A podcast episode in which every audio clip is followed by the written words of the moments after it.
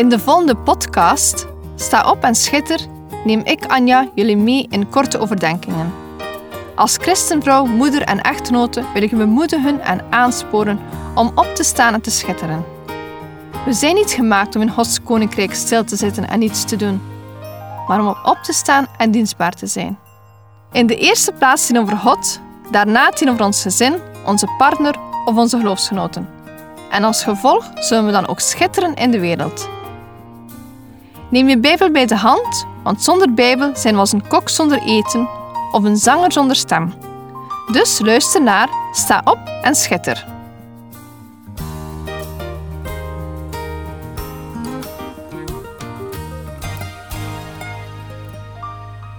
Vandaag heb ik als thema idool. Laten we eerst eens kijken naar wat een idool nu juist is.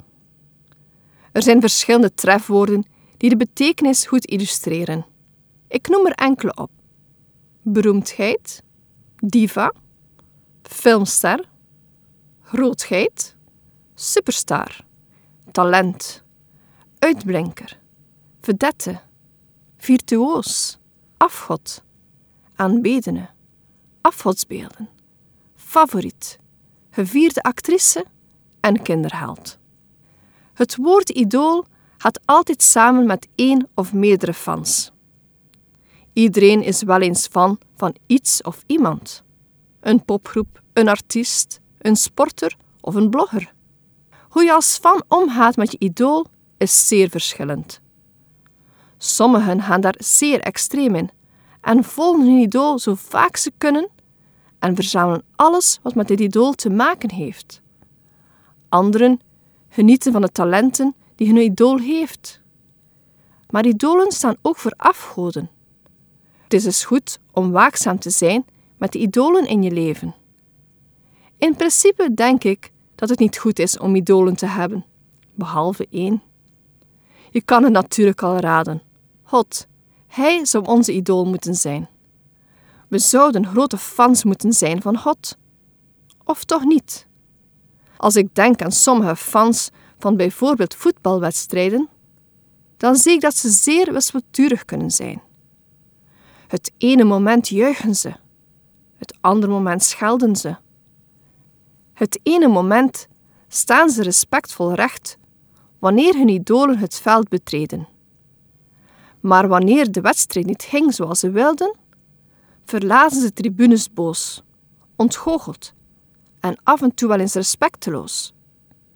Hetzelfde gebeurt ook met zangers. Wanneer deze idool niet meer voldoet aan het ideaal beeld, dan worden ze van de een op de andere dag aan de kant gezet voor een ander idool. Als ik er goed over nadenk, dan heeft Jezus hetzelfde meegemaakt. Ze juichten toen hij Jeruzalem binnenkwam, en vijf dagen later riepen ze: Kruisig hem. Sommigen volgden hem jaren en keerden hem uiteindelijk terug toe en verloochenden hem. Laten we eens stilstaan bij ons idool Jezus en hoe wij als fan met hem omgaan. Ik zie de dag van vandaag dat er veel mensen wel geloven, maar er eigenlijk zo weinig mee doen. Stel jezelf de vraag: is geloof slechts een onderdeel van jouw leven?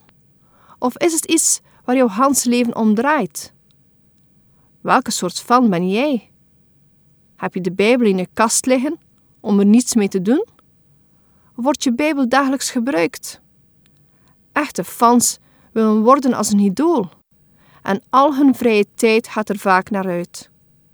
Zo zou het ook moeten zijn met Jezus als ons idool. We zouden ieder moment die we vrij hebben moeten op zoek gaan naar zijn stem, zijn woorden lezen en hem aanbidden. In Lucas 9 versen 18 tot met 27 lezen we. En het gebeurde, toen hij in een persoonlijk gebed was, dat de discipelen in zijn nabijheid waren. En hij vroeg hen: Wie zeggen de menigten dat ik ben?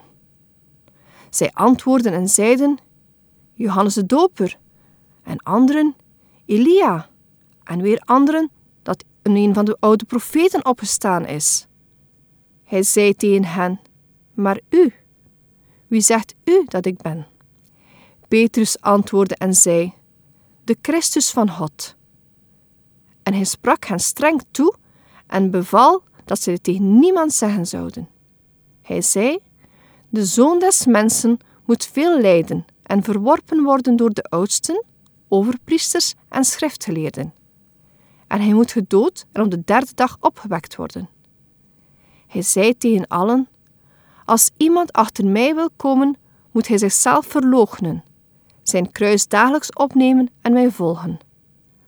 Want wie zijn leven wil behouden, die zal het verliezen. Maar wie zijn leven verliezen zal, omwille van mij, die zal het behouden. Want wat baat het een mens heel de wereld te winnen en zichzelf te verliezen of zelfs schade te lijden? Want wie zich voor mij en mijn woorden geschaamd zal hebben, voor hem zal de zoon des mensen zich schamen. Wanneer hij zal komen in zijn heerlijkheid en in die van de Vader en in die van de heilige engelen. En ik zeg u in waarheid, er zijn sommigen van hen die hier staan, die de dood niet zullen proeven, voordat zij het koninkrijk van God gezien hebben.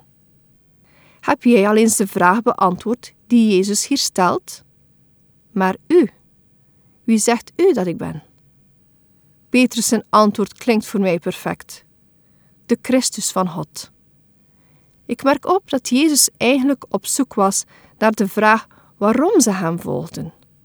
Of dit wel met de juiste redenen was. Zagen ze een idool in hem? Iemand waar ze naar opkeken? Een koning in hun ogen?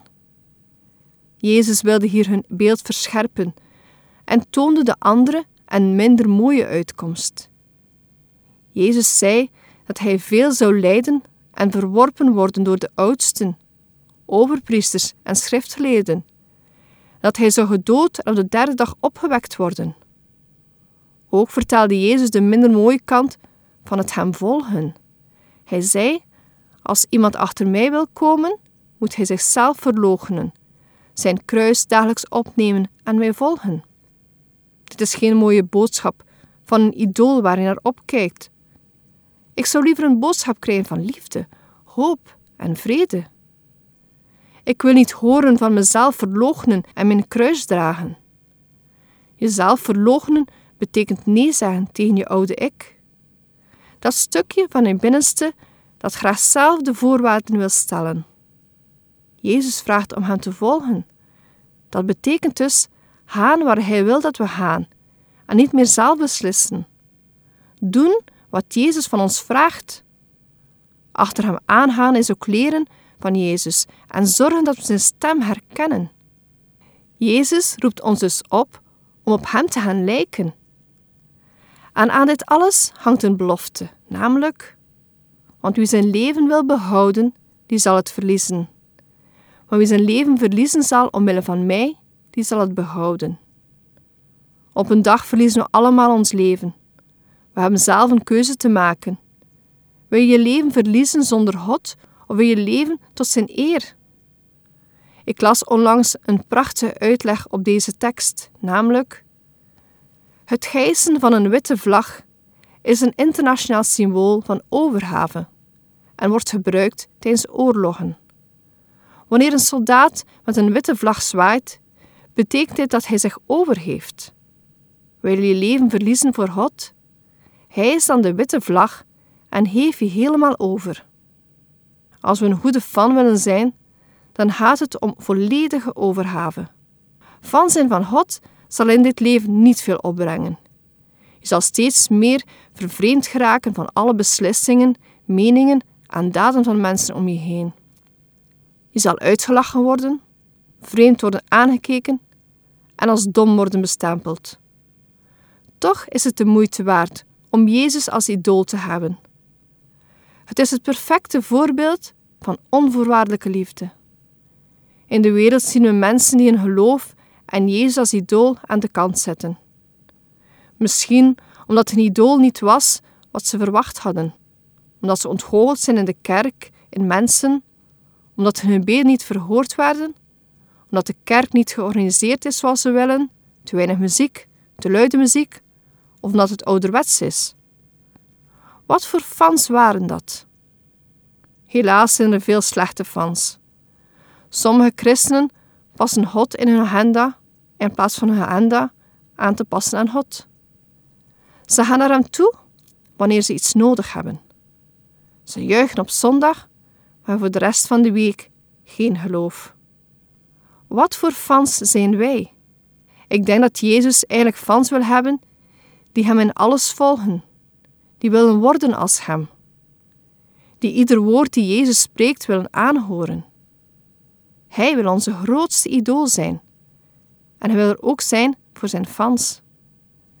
Ik ben gestart met een opsomming van verschillende trefwoorden die het woord idool goed kunnen uitleggen. Er sluiten enkele van deze trefwoorden mooi aan bij Jezus.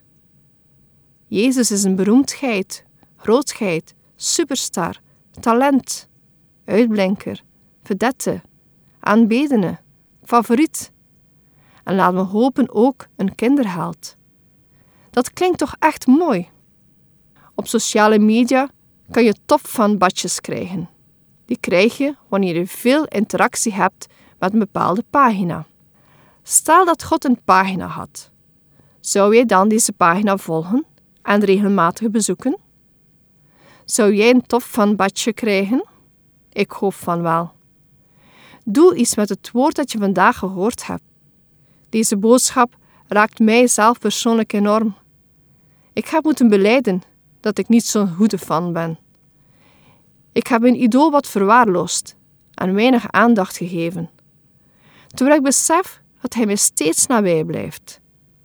Sta deze weken stil bij de vraag: ben ik een goede fan van Jezus? Laat me Jezus nemen als idool en een topfan zijn. Juich en aanbid hem. Sta op en schitter samen met Jezus.